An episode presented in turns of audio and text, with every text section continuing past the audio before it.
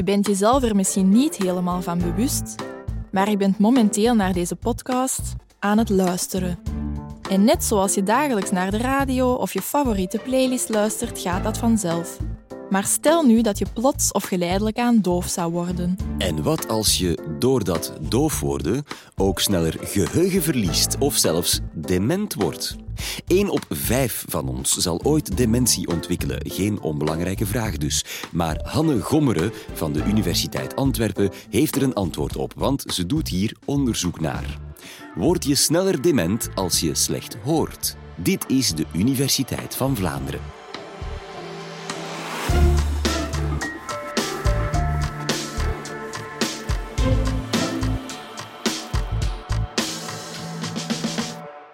Laat ik beginnen met enkele cijfers. Het zal je ongetwijfeld ook al zijn opgevallen dat we met z'n allen steeds langer leven en dus ouder worden. Het gevolg? Er zijn meer oude mensen. En dit brengt helaas ook met zich mee dat hierdoor meer mensen te maken krijgen met geheugenproblemen en dementie. In Vlaanderen hebben 140.000 mensen een diagnose dementie en in heel België gaat het al om meer dan 200.000 mensen. En dit aantal neemt zelfs nog elk jaar toe. Maar wat houdt dat nu juist in? Dementie en dement worden. Cognitie bestaat uit verschillende functies, waaronder onze aandacht, ons geheugen, maar ook ons redeneervermogen. We spreken van dementie als elk van deze cognitieve vermogens ernstig zijn afgenomen, waardoor iemand niet meer in staat is om dagelijkse activiteiten, zoals zichzelf aankleden of een maaltijd te bereiden, kan uitvoeren. Mensen worden vergeetachtig, trekken zich vaak terug uit sociale activiteiten, waardoor ze geïsoleerd raken. Bij dementie raken de zenuwcellen en de verbindingen tussen de cellen in de hersenen onderling beschadigd. Dit heet neurodegeneratie. Bij de ziekte van Alzheimer, de meest voorkomende vorm van dementie, zien we vaak dat deze beschadiging zich bevindt ter hoogte van de hippocampus in de hersenen. Dat is een klein hersengebied dat zich situeert aan de binnenkant van onze slaapkwap en het wordt ook wel de motor van ons geheugen genoemd. Een leuk weetje, Hippocampus staat voor zeepaardje en dankt zijn naam aan de anatomische vorm die het aanneemt. Iemands leeftijd, maar ook roken, diabetes, obesitas en depressie vormen belangrijke risicofactoren voor het ontwikkelen van dementie. Maar wat eigenlijk veel mensen niet weten, is dat gehoorverlies ook een risicofactor vormt en maar liefst de derde plaats in het rijtje van belangrijkste risicofactoren bekleedt. Dus, Hierbij heb je al een antwoord op de vraag: Word je sneller dement als je slechter hoort? Ja. Maar ik wil hier ook goed nieuws vertellen. Er is nog geen behandeling voor dementie, maar gehoorverlies is wel behandelbaar. Dus als we het risico op gehoorverlies verminderen, vermindert ook het risico op dementie. Maar hoe komt dat nu juist dat we minder goed gaan horen? Net zoals onze ogen gaat ook ons gehoor achteruit als we ouder worden. En hiervoor zijn verschillende oorzaken. Laten we beginnen bij het begin. Geluidsgolven worden door onze oorschelp opgevangen en via de gehoorgang doorgegeven naar het trommelvlies. Het trommelvlies geeft deze trillingen dan weer via de gehoorbeentjes door aan het slakkenhuis. En dat is ons gehoororgaan. Dat bestaat uit 15.000 kleine haarcellen die zich in dat slakkenhuis bevinden. En dat slakkenhuis is ook gevuld met een vloeistof. Geluidsgolven zorgen voor een trilling van de vloeistof in het slakkenhuis dat op zijn beurt de haarcellen in beweging brengt. Dit zorgt voor een zenuwsignaal dat wordt doorgegeven aan onze gehoorzenuw totdat dit uiteindelijk onze hersenen bereikt. En zo horen we dus geluiden uit onze omgeving. Het slakkenhuis is zo georganiseerd dat haarcellen die zorgen voor geluiden van een hoge toonhoogte, ook wel frequentie genoemd, helemaal onderaan worden aangestuurd en de haarcellen voor de lage frequenties helemaal bovenaan in het slakkenhuis zitten. Je kan het vergelijken met een piano. Elke toets heeft zijn eigen toonhoogte.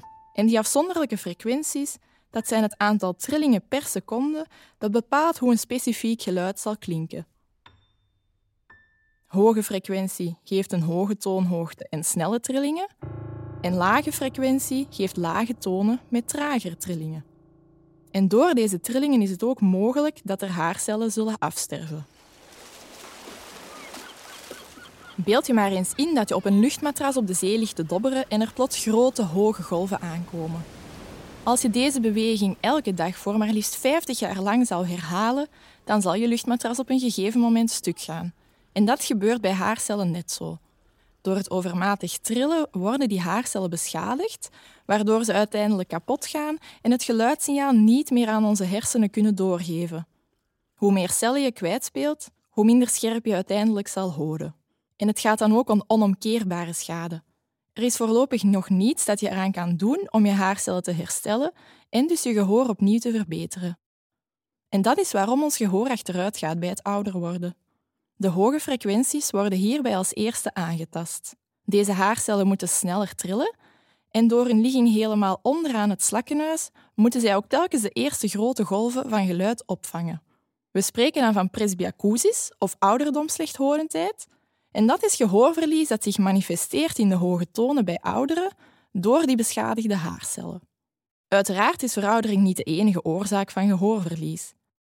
Zo kan er ook schade aan de haarcellen optreden door het innemen van bepaalde zware medicatie of worden sommige mensen met gehoorverlies geboren door een genetische mutatie in hun DNA. Een derde reden, als we ons te vaak of aan te luide muziek blootstellen via hoofdtelefoons of op feestjes, kan ook schade aan de haarcellen optreden. Daarnaast kan het trommelvlies of de gehoorbeentjes beschadigd raken. En in dat laatste geval spreken we dan van een conductief gehoorverlies of een geleidingsverlies. En dat is gehoorverlies waarbij de oorzaak zich in het middenoor bevindt en er problemen optreden met de geleiding van de geluidstrillingen naar het slakkenhuis. In alle andere gevallen spreken we van perceptief gehoorverlies. Dat gaat dan over de werking en de gevoeligheid van die haarcellen en de gehoorzenuw. Maar uiteraard is er ook een samenhang van beide oorzaken mogelijk en dat noemen we dan een gemengd gehoorverlies. En het is eigenlijk dat tweede, dus dat perceptief gehoorverlies, dat potentieel kan zorgen voor een achteruitgang van het geheugen. Bij een conductief gehoorverlies is dat eigenlijk minder uitgesproken, omdat we dat eventueel deels via een operatie kunnen herstellen. En je stelt jezelf nu misschien de vraag: krijg ik dan sowieso gehoorverlies? Nu, dat is van persoon tot persoon afhankelijk. Ieders gehoor heeft een andere gevoeligheid. Er zijn jonge twintigers die reeds gehoorverlies kunnen ontwikkelen door een teveel aan lawaaiblootstelling, maar er zijn ook vijftigers met het gehoor van een twintigjarige. Maar het is hoe dan ook belangrijk om je gehoor preventief te beschermen tegen schadelijke geluiden door bijvoorbeeld het dragen van gehoorbescherming op een fuif, maar ook door het volume van je hoofdtelefoon of AirPods te beperken. De gevolgen van gehoorverlies zijn niet min. Enerzijds is er die invloed op het geheugen, waar we kunnen spreken van een versnelde cognitieve achteruitgang, en anderzijds brengt dit op zijn beurt weer andere nadelen met zich mee. Slechthorenden gaan zich steeds vaker afzonderen van sociale activiteiten, ondervinden hinder op het werk, kunnen niet meer genieten van het luisteren naar muziek en zo gaat het nog wel even door. Kortom, het risico op sociale isolatie is erg groot. En met sociale isolatie bedoelen we dan echt dat deze mensen zich minder in het openbaar gaan vertonen, zich afzonderen van hun familie en vrienden omdat ze niet meer van die sociale activiteiten kunnen genieten. Gehoorverlies heeft dus een enorme impact op onze kwaliteit van leven en als het daarbovenop ook nog eens de kans op dementie verhoogt, dan zitten we toch echt wel met een aanzienlijke beperking. En het is die link tussen het gehoor en de achteruitgang van het cognitief vermogen waar ik onderzoek naar doe. Maar hoe komt dat nu? Dat minder goed horen zou zorgen voor een versnelde cognitieve achteruitgang? Wel, er zijn duidelijke links tussen beide en hiervoor bestaan er vier verschillende hypothesen. 1. We spraken al over een vermindering van het gehoor en het geheugen bij het ouder worden door die algemene verouderingsfactor. Dit veronderstelt dus eigenlijk geen invloed van het gehoor op het geheugen, maar het benadrukt wel dat gehoor en geheugenverlies zich tegelijkertijd voordoen. Ten tweede is er voor een goed gehoor en het goed kunnen verstaan een goed werkend brein nodig. Aandacht, werkgeheugen en korte termijngeheugen zijn nodig om alle auditieve informatie uit de omgeving goed te kunnen verwerken en vooral in moeilijke luistersituaties waarbij er veel rumoer of achtergrondlawaai is. En als deze hersenfuncties minder goed werken, is het dus moeilijker om de geluidsinformatie uit de omgeving te kunnen verwerken. En deze hypothese impliceert dus een invloed vanuit het geheugen op het gehoor. Maar het kan zich ook in de andere richting voordoen, namelijk vanuit het gehoor op het geheugen. En dat is de derde link. Wanneer iemand gehoorproblemen heeft, kan de auditieve informatie de hersenen nog onvoldoende bereiken. Doordat de persoon de auditieve informatie, dus de geluiden niet of niet volledig kan horen, vraagt dat een enorme belasting van de hersencapaciteit. Doordat de hersenen zo erg moeten focussen op het vervolledigen van het auditief signaal, blijven er minder capaciteiten, dus minder hersenfuncties over om zich te focussen op andere cognitieve functies. En hierdoor zal de slechthorende persoon minder goed kunnen reageren op geluiden in zijn omgeving. Ook de cognitieve prestaties worden hierdoor aangetast, omdat de capaciteit van die hersenen dus volledig benut moet worden om zich op dat auditief signaal te kunnen focussen. En we hebben ons allemaal al wel eens in deze situatie bevonden. Denk maar aan een gesprek dat je probeert te voeren in een lawaaierig restaurant, waarbij je de persoon aan de overkant van de tafel goed moet proberen verstaan. Niet evident dus. En tenslotte is er nog de use it or lose it hypothese. Door de slechthorendheid krijgen onze hersenen steeds minder input, dus minder informatie doorgestuurd vanuit het gehoororgaan en worden ze dus minder gestimuleerd. Deze minder gestimuleerde hersendelen gaan dan steeds minder meedoen en na een tijdje hun functie verliezen. En dat is wat we ook wel sensorische deprivatie noemen. Alles wat niet wordt gebruikt, zal afsterven. We verliezen dus letterlijk een deel van onze hersenfuncties door het gehoorverlies. En hoewel er in al van deze hypothesen wel een deel van waarheid zit, is het wellicht de samenhang van de vier hypothesen die het verband tussen gehoor en geheugen kan verklaren. Om alles samen te vatten, wil ik graag terugkoppelen naar de gevolgen van gehoorverlies, waaronder die sociale isolatie toch een hele belangrijke is.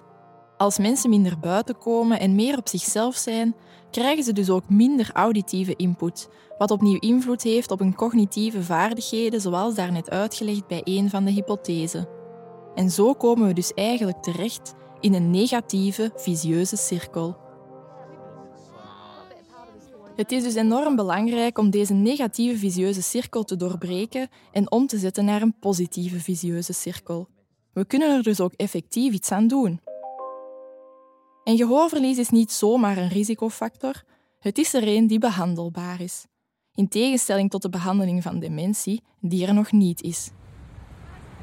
En in het straatbeeld zijn hoorapparaten en cochleaire implantaten niet langer een uitzondering. We zien steeds meer mensen en ook steeds jongere mensen die hoorhulpmiddelen dragen en dat is absoluut iets positiefs. Het verschil tussen beide is trouwens dat een hoortoestel het geluid uit de omgeving opvangt en het kan versterken om het op die manier opnieuw hoorbaar te maken voor de patiënt. En het geluid volgt dan hierbij de natuurlijke weg, dus via de gehoorgang en de gehoorbeentjes tot in het slakkenhuis. Bij een cochleair implantaat wordt operatief een elektrode in het slakkenhuis geplaatst. En die gaat rechtstreeks de hoorzenuw stimuleren om op die manier de juiste auditieve informatie naar de hersenen door te sturen. We slaan dus eigenlijk de natuurlijke weg die het geluid volgt over door die zenuw rechtstreeks te gaan stimuleren. Onze hersenen kunnen hierdoor voldoende stimulatie krijgen, wat maakt dat ze hun functie zo goed mogelijk kunnen behouden.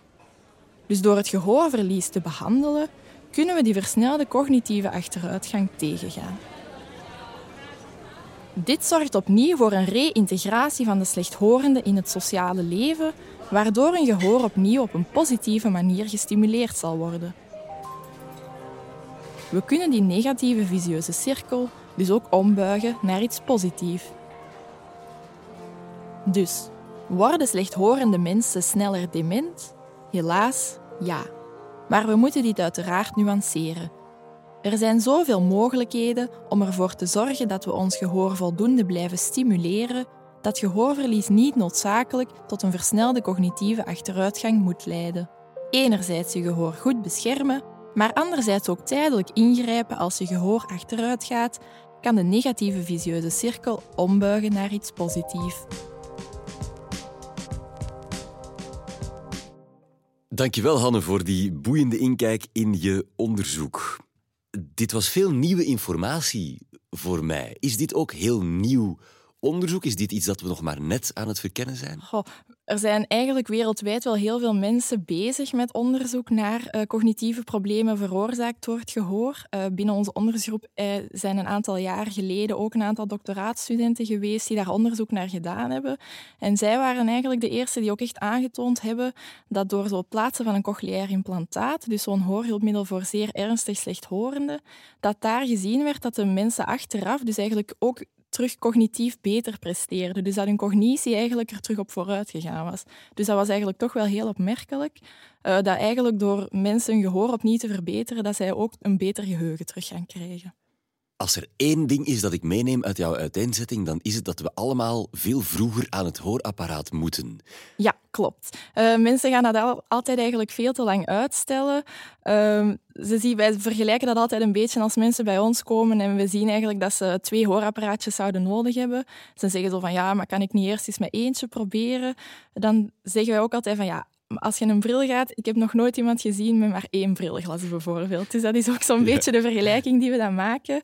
Uh, mensen gaan dat steeds ook veel te lang uitstellen, omdat er toch een beetje een taboe rond heerst. Dus dat is eigenlijk ook wel belangrijk dat dat toch wat doorbroken wordt. Want hoe vroeger ik met dat hoorapparaat begin, hoe minder cognitie ik verlies. Dat is echt een wet. Ja, dus het is eigenlijk doordat je een hoorapparaat zou beginnen dragen, dat je eigenlijk al die voldoende auditieve informatie, dus die geluiden eigenlijk voldoende kan horen nog, waardoor dat die hersenen dus voldoende gestimuleerd gaan blijven. En het is doordat die hersenen voldoende stimulatie gaan krijgen, dat ze op die manier ook hun functie kunnen behouden. Is dat gehoorverlies iets dat dementie echt triggert? Is het echt een, een oorzaak van dementie? Of is het eerder, moet ik het eerder zien als een, een factor die het versnelt en ernstiger maakt? Ja, het is effectief aangetoond dat het dus echt een oorzaak is. Dus gehoorverlies is echt één van de oorzaken die eigenlijk zorgt voor dementie. Dus dat is ook eigenlijk iets wat heel veel mensen niet weten. Um, er is ook heel veel onderzoek, want mijn onderzoek, ik heb nu specifiek verteld over gehoor. Maar evenwicht is eigenlijk ook een heel belangrijke factor daarin. Want het evenwichtsorgaan is eigenlijk gelinkt aan ons gehoororgaan. Dus we zien vaak ook bij mensen die gehoorproblemen ontwikkelen dat er ook wel evenwichtsklachten zijn die zich voordoen. Dus het is eigenlijk ook al aangetoond dat evenwicht en gehoor dan eigenlijk allebei risicofactoren zijn voor het ontwikkelen van dementie. Sociale isolatie is ook een, een, factor die regelmatig is teruggekomen. Uh, kunnen we nog meer doen dan een, dan een hoorapparaat uit de taboesfeer halen? Is, het, is, is er eigenlijk ook een, een beetje maatschappelijke verandering nodig om uh, dementie te voorkomen? Oh ja, het is natuurlijk niet zo eenvoudig, maar we proberen eigenlijk ook altijd tegen jonge mensen te zeggen van ja, kijk, als je naar een feestje gaat, is belangrijk. Er zijn zoveel uh, gehoorbescherming eigenlijk op de markt die je kan dragen. Je hebt van die gewone moesje-oordopjes die die ze eigenlijk overal verplicht zouden moeten uitdelen. Uh, heel veel mensen gaan ook uh, gehoorbescherming op maat laten maken. Dus het begint eigenlijk al daar. Of misschien zelfs vroeger. Want tegenwoordig, eh, kleuters of peuters, altijd met de iPad, misschien altijd met luid lawaai al. Dus het is ook echt wel belangrijk dat we er gewoon zo vroeg mogelijk bij zijn. Om eigenlijk gewoon die lawaai-blootstelling ook wat te kunnen verminderen en ons gehoor ook preventief te beschermen. Eh, kortom, samengevat, uh, dementie, gehoorverlies, neurodegeneratie, dat zijn dingen waar we ons niet pas op ons tachtigste mee moeten bezighouden. Dat zou er eigenlijk al diep moeten inzitten, ook bij jonge mensen. Ja, hoe vroeger, hoe beter eigenlijk. Dankjewel, Hanne Gommeren. Wil je meer weten over dementie? Beluister dan zeker ook podcast 148. Daarin vertelt Sebastiaan Engelborgs waarom mensen met dementie zich enkel hun jeugd herinneren. En jij vergeet vooral ook niet om volgende keer terug te luisteren. Heel graag tot dan.